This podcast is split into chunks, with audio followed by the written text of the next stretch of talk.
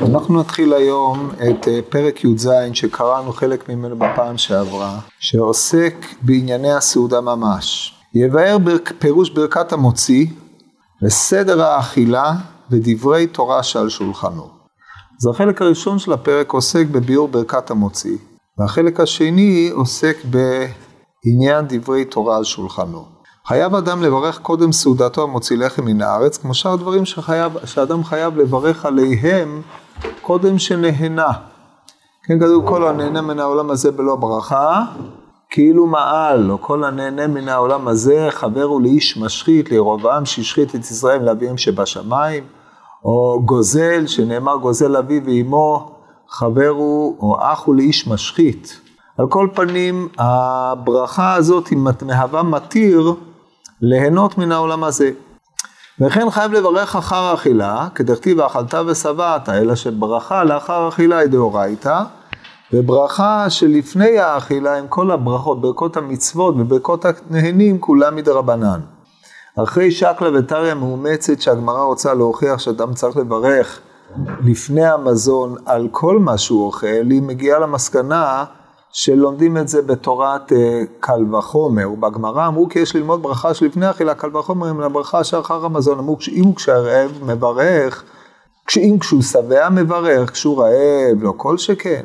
אז זה, זה הביסוס. עכשיו כמובן הקל וחומר הזה לא הופך את הברכה הזאת לא, לדאורייתא, אף על פי שמפרשים על אתר, הפני יהושע ועוד באחרונים דנו מדוע הקל וחומר הזה לא הופך את זה לדאורייתא? לשיטת הרמב"ם הדבר פשוט, כי דבר נלמד בקל וחומר, אה, כיוון שהוא, אה, זה דבר שיוצא מן הכתוב, הוא לא מן הדברים הכתובים בתורה ממש, אז הוא דברי סופרים, כך שלשיטתם זה בוודאי, שיטתו זה בוודאי לא קשה, גם התוספות על אתר, תרצו שהקל וחומר הזה הוא רק אסמכתא בעלמא כדי לבסס את עניינה של הברכה. מכל מקום המהר"ל קובע יחס בין האכילה, הברכה על השביעה, לבין הברכה כשאדם רעב, והטענה שלו היא כזאת.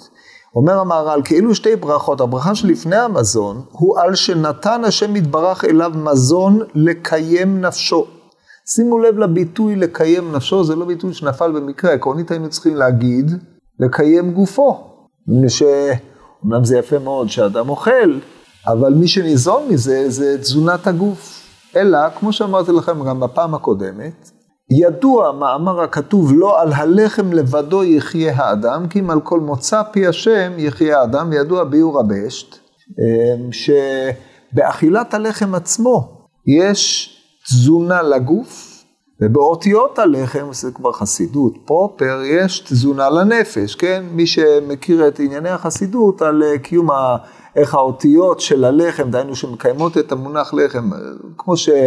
אומר האדמו"ר הזקן לצורך העניין אה, בשם הבשת על הפסוק לעולם השם דברך ניצב בשמיים דברך ממש שהדיבור אמ, הדיבור אה, יהי רקיע בתוך המים הוא זה שמקיים את השמיים. בדבר השם שמיים נעשו ורח פיו כל צבאם אז הוא הדין לגבי אה, תזונת האכילה ואמרתי לכם בשיעור הקודם לאוהבי החסידות שביניכם שבספר סידורו של שבת דן בזה בדרוש ארוך שיש בו כדי לענג את הנפש בזמן שהיא יגעה מהעיונים הנפלאים שמדי פעם אדם צריך לנוח קצת ולקרוא קצת דברי חסידות, לשמח את נפשו.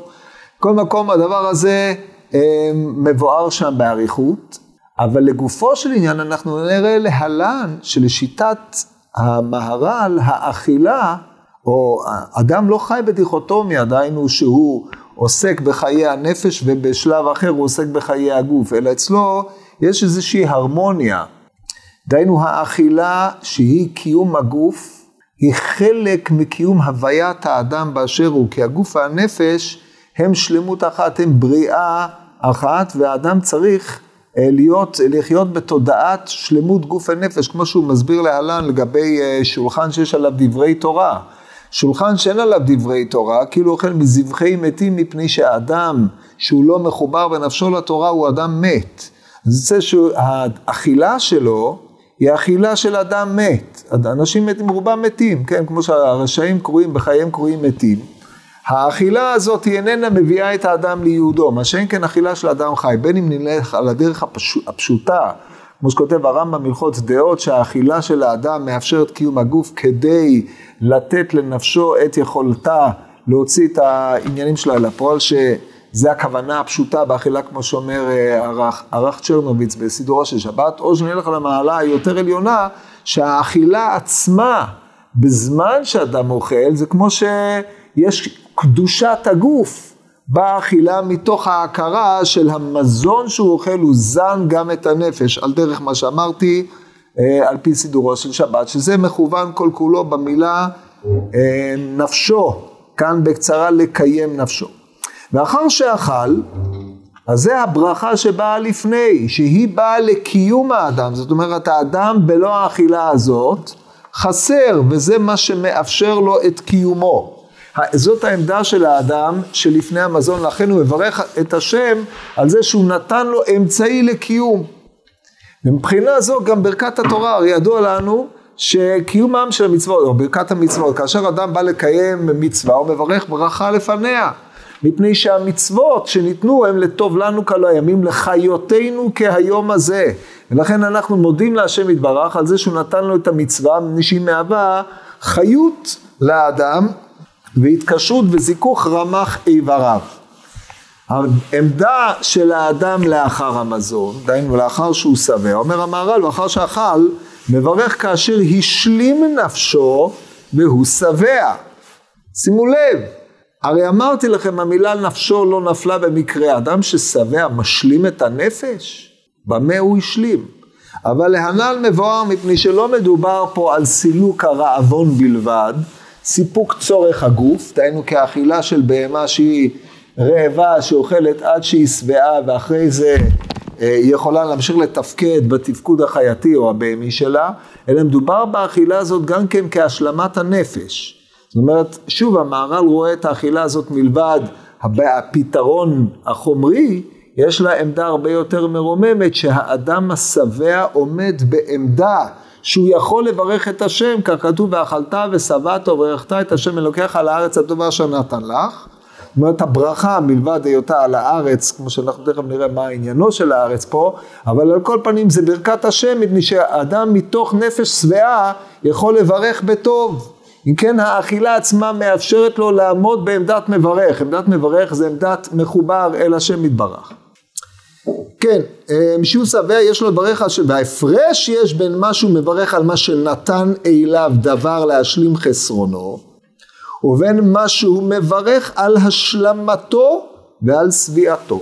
אז קודם כל מתהפך פה העניין, כן אם עד עכשיו דיברנו על היותו רעב ועל אה, הרעב הזה שהוא קיום הנפש, כאן המהר"ל מאמת בין ברכה שבאה על דבר שהוא משלים חיסרון לאדם לבין ברכה שבאה על היותו שלם והיותו שבע. עמדת השבע והשלם היא עמדה אחרת מאשר אתה מברך על הדבר. זאת אומרת כשאני מברך על הלחם אני מברך על הלחם באשר הלחם הזה הוא דבר שמשלים חיסרון.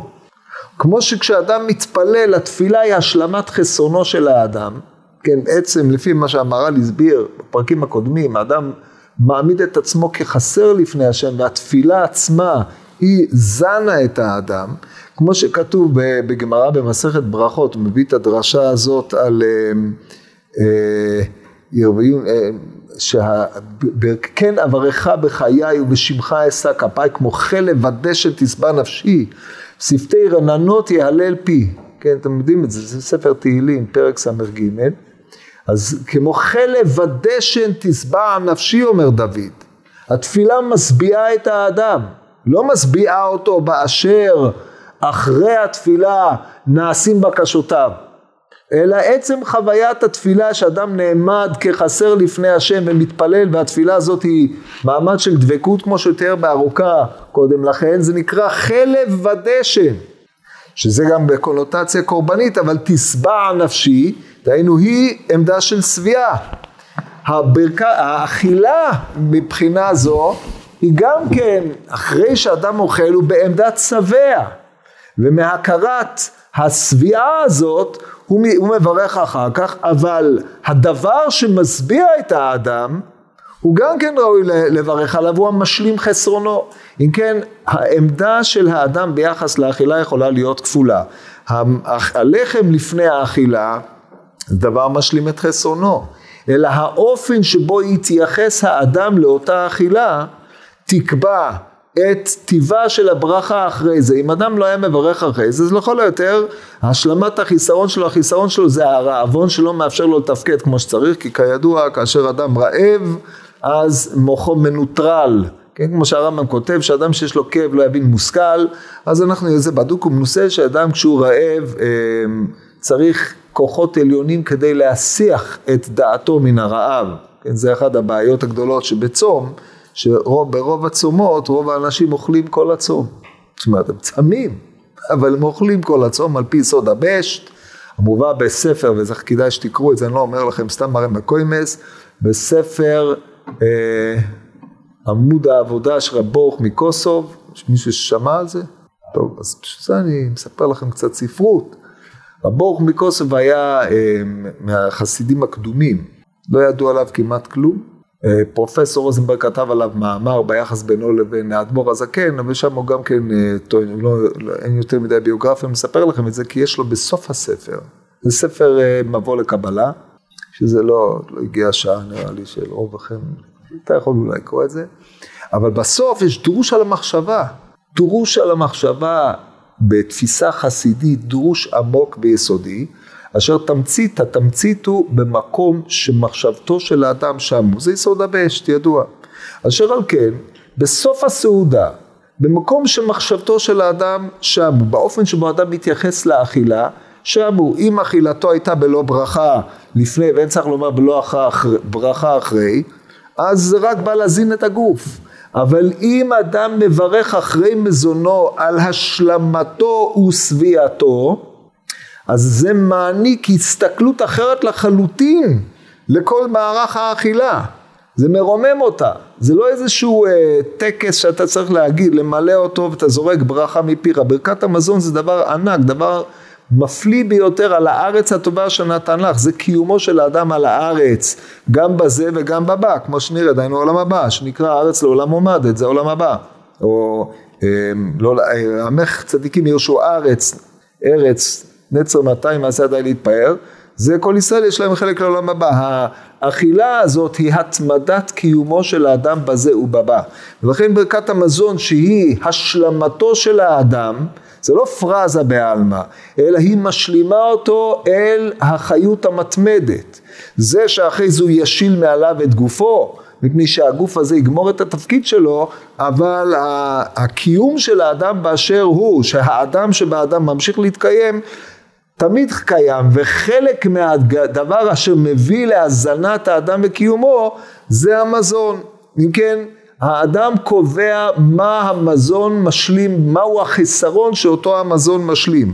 הברכה שלפני מרוממת את אותו חיסרון להשלמת האדם על כל מדרגותיו, והברכה אחרי זה מעמידה את האדם בעמדת מי שהמזון הזה מביא אותו לידי השלמתו על כל חלקיו, כן? זה, כל זה רמוז בקצרה בחילופי, בחילופי ביטויים של המהר"ל, והוא לא הוציא את הדברים שלו לריק, מדויק מאוד במה שהוא כותב, אז צריך לדעת.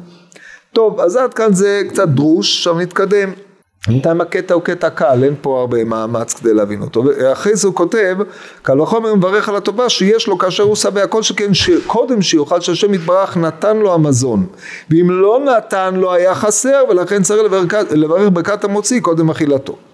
טוב, אז עד כאן המבוא, עכשיו פה הוא נכנס לשאלת נוסח הברכה, ויש לשאול על הברכה שהוא מברך קודם אכילתו, למה מברך המוציא לחם מן הארץ, ולא אשר ברא הלחם? כמו שמברך שאר ברכות, בורא פרי העץ, כך היה לו לברך אשר ברא הלחם. עכשיו, כמו שאמרתי לכם בשיעור הקודם, המהר"ל ידע שלחם שאנחנו אוכלים הוא לא ברור בתור שכזה. אף על פי כן, הוא שואל את השאלה. מאחר שכן, המונח לחם, כפי שאנחנו מכירים אותו, הוא לפי הנחת המהר"ל, כפי שאנחנו נראה תכף, מונח מושאל מתפיסה קצת יותר מקיפה של המונח לחם. לחם בעיקרון כתוב כך, את קורבני לחמי לאישה ירח ניחוחי תשמרו להקריב לי במועדו. מה פירוש לחמי? על פניו זה השאלה מהלחם שהאדם אוכל, אבל כיוון שהקדוש ברוך הוא לא אוכל לחם, כן? לחם פנים לפניי תמיד, הקדוש ברוך הוא לא אוכל את הדברים האלה, כן? הרי האוכל בשר אבירים ודם עתודים אשתה, כמו שכתוב בתהילים. אשר על כן, המונח לחם שם מורה על עניין של חיבור, כמו שמסביר הנציב בפירושו על אתר, וזה עניין לחם כמו מלכים, כמו שאנחנו משתמשים במונח הזה היום, גם כן בהקשרים אלו ואחרים. כך הלחם, המוציא לחם, זה הדבר אשר נותן חיבור אל האדם, דהיינו מה שמחבר אותו אל חיותו, כדי שיוכל לפעול את פעולתו. ולכן זה שמה שאנחנו לוקחים את הדגן, אה, לשים אותו ומכינים ממנו את מה שאנחנו קוראים לחם, הוא קרוי לחם מפני שהוא נותן חיות אל האדם, דהיינו מחבר את נפשו וגופו כדי שיוכלו לתפקד. אם כן, הלחם הזה, הקדוש ברוך הוא ברא אותו, דהיינו את נקודת החיסרון או ההשלמה, הדבר המשלים חסרונו של האדם שנותן חיבור, גוף נפש כדי שיוכל לפעול, זה בוודאי מבריאתו של מקום. לכן השאלה במקומה עומדת. למה לא ברא? ממשיך המהר"ל, שאלה שנייה. ועוד למה לא אמר, למה אמר מן הארץ ולא מן האדמה כמו שאר ברכות שמברך בורא פרי האדמה. עכשיו על פניו שאלה קלה, אבל אמר על בונה עליה יסודות נפלאים. אז אנחנו נניח את ההסבר של זה, כי הוא יסביר את זה בהמשך. הלאה, ועוד קשה, שאמר מוציא לחם מן הארץ, והרי לא יצא לחם מן הארץ, כי לא היה לחם כי אם על ידי האדם שאף.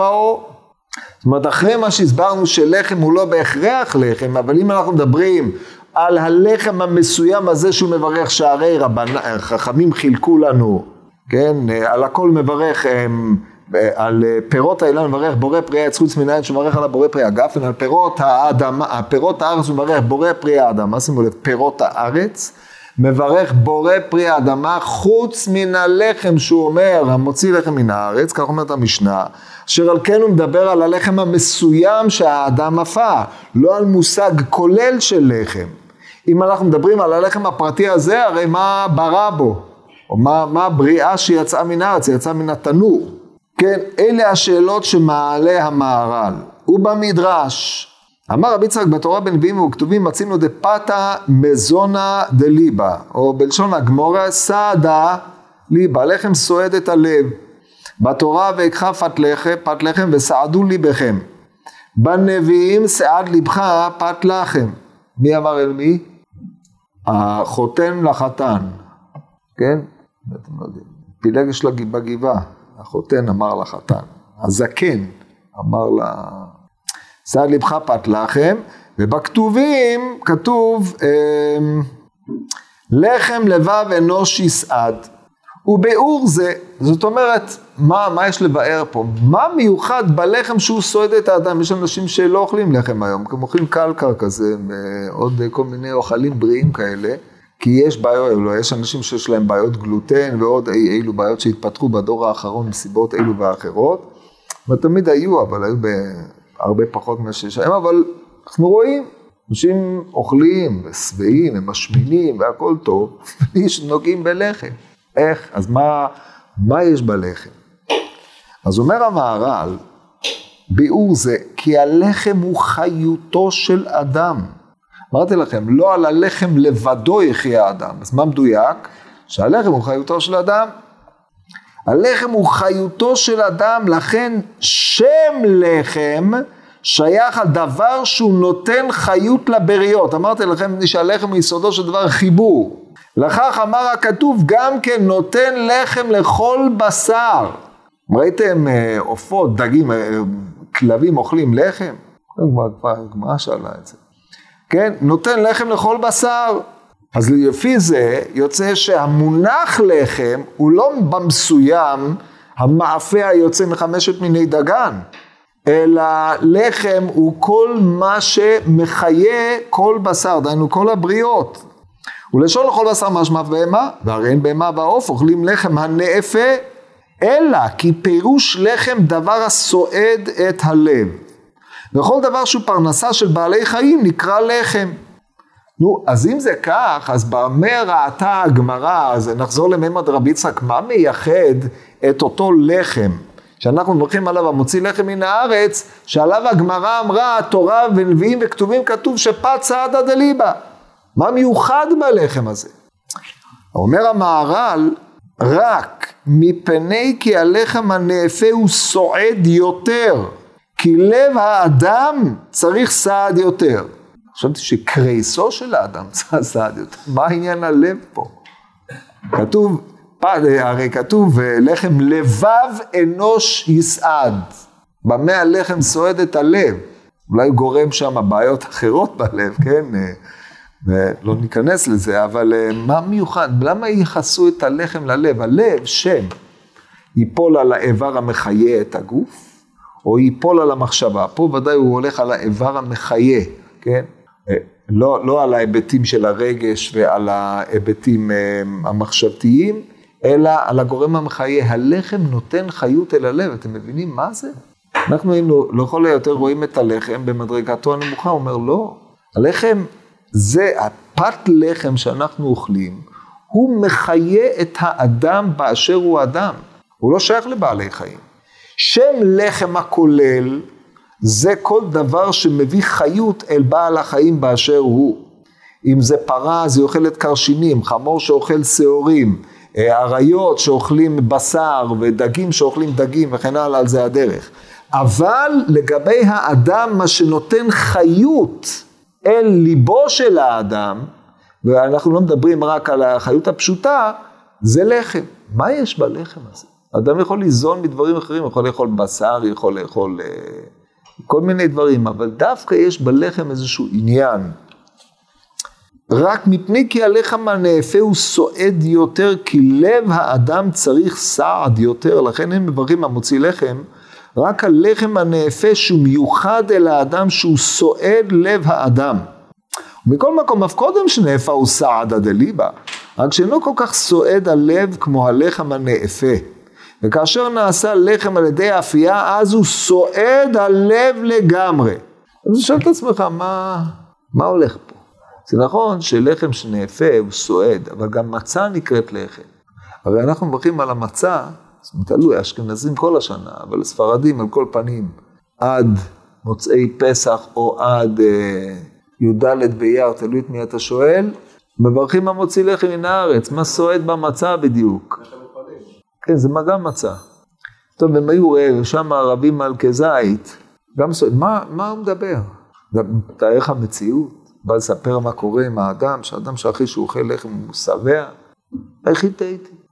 אז חייב להיות שמונח בדברים הללו עניין יותר עמוק מאוד, שהוא, כשהוא משתמש במונחים סועד, הוא אומר כאן, אמ, הלחם קודם שהוא נאפה, הוא סעד לדיבר רק אינו כל כך סועד הלב כמו הלחם הנאפה, כאשר הוא נעשה לחם על ידי אפייה, אז הוא סועד הלב לגמרי, הוא בוודאי לא מדבר על רמות שונות של, סביעה, הוא מדבר כנראה על אה, עניין קצת יותר עמוק, הוא סותם בשלב זה.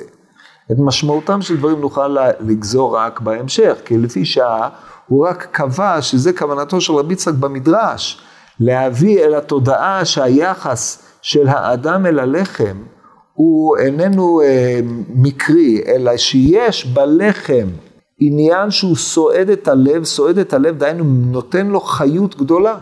כמו שיש ביין ויש בלחם איזושהי סגולה שהיא איננה קיימת בשאר המזונות. זאת אומרת, אם אתה לוקח תפוח אדמה ומבשל אותו, זה מפני שאם אתה היית אוכל אותו כמו שהוא, היית סובל, כן? אז הבישול שלו מרכך אותו, אתה לוקח עוף ומשפר אותו וכיוצא בזה, משתמש בכל מיני תבלינים, אתה אחרי ככלות הכל אוכל בשר. כמו בעל החיים, רק הוא לא צריך את כל השכלולים האלה כמו שאתה צריך.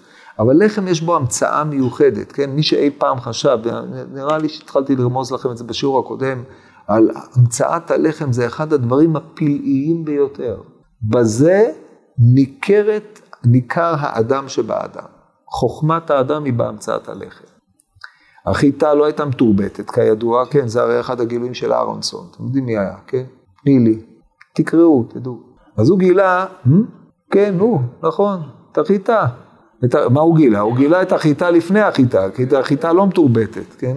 זה מה שהוא גילה. אבל כל פנים, התרבות, לקחת את זה, לה, להבין שיש פה תהליך של החמצה, שאתה יכול ליצור דבר מחודש, זה פלא. אנחנו לוקחים את זה כדבר מובן מאליו, אבל תארו לעצמם, אתם חוזרים לתקופת הקרו-מגנון, לפני שאדם היה אדם, ולכל התהליך של התפתחות האדם, המעבר בין אכילת עשבים לבין אכילת לחם זה קפיצה שהיא מייחדת את האדם באשר הוא. זה קפיצה רבתי, שמשם ואילך האדם נבדל מן הבהמה לא רק בזה שהוא יכול ליצור כלים, כי אנחנו היום יודעים שיש קופים שיוצרים כלים ברמות אלו ואחרות, כן, לא ברמת האדם, אבל ברמת ה...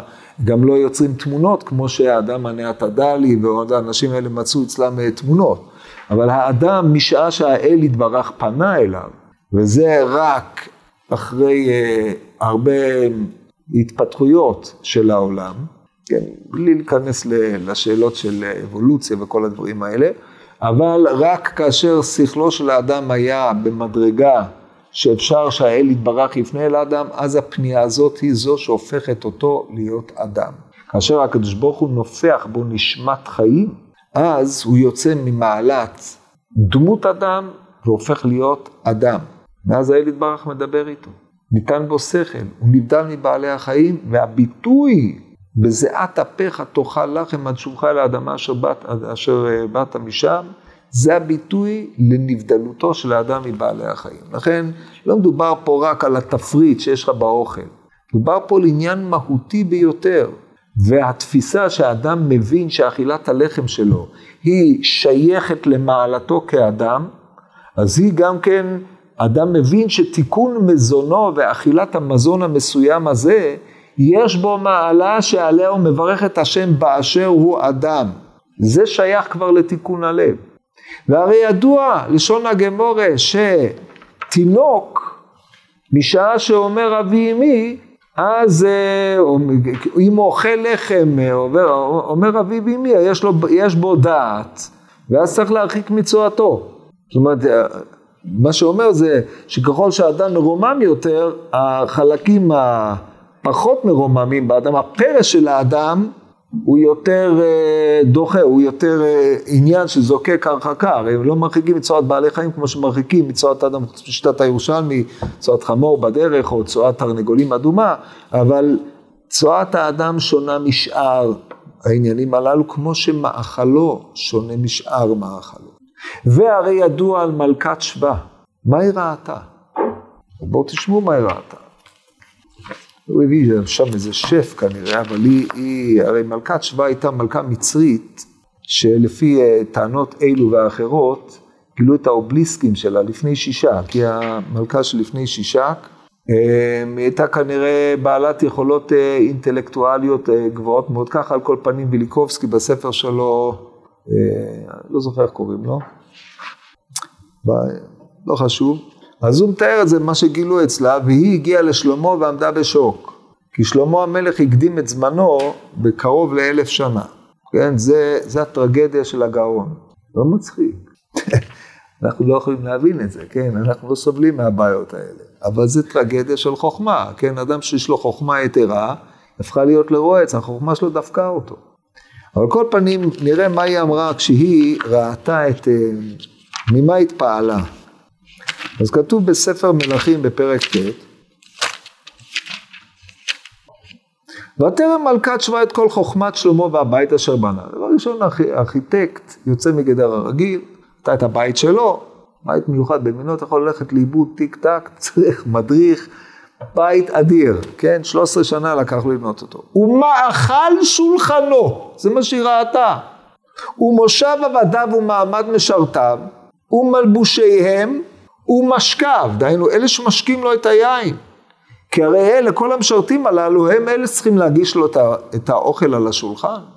אם הוא לא מיוחד, איך הוא יכול להגיש לי את האוכל? הרי צריך לתת כבוד לשולחן של המלך, שהמלך אוכל, את המאכל שהמלך אוכל.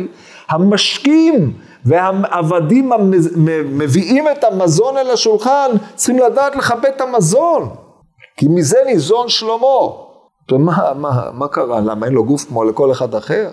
אבל הוא ידע את ערך המזון ואת ערך המשקה.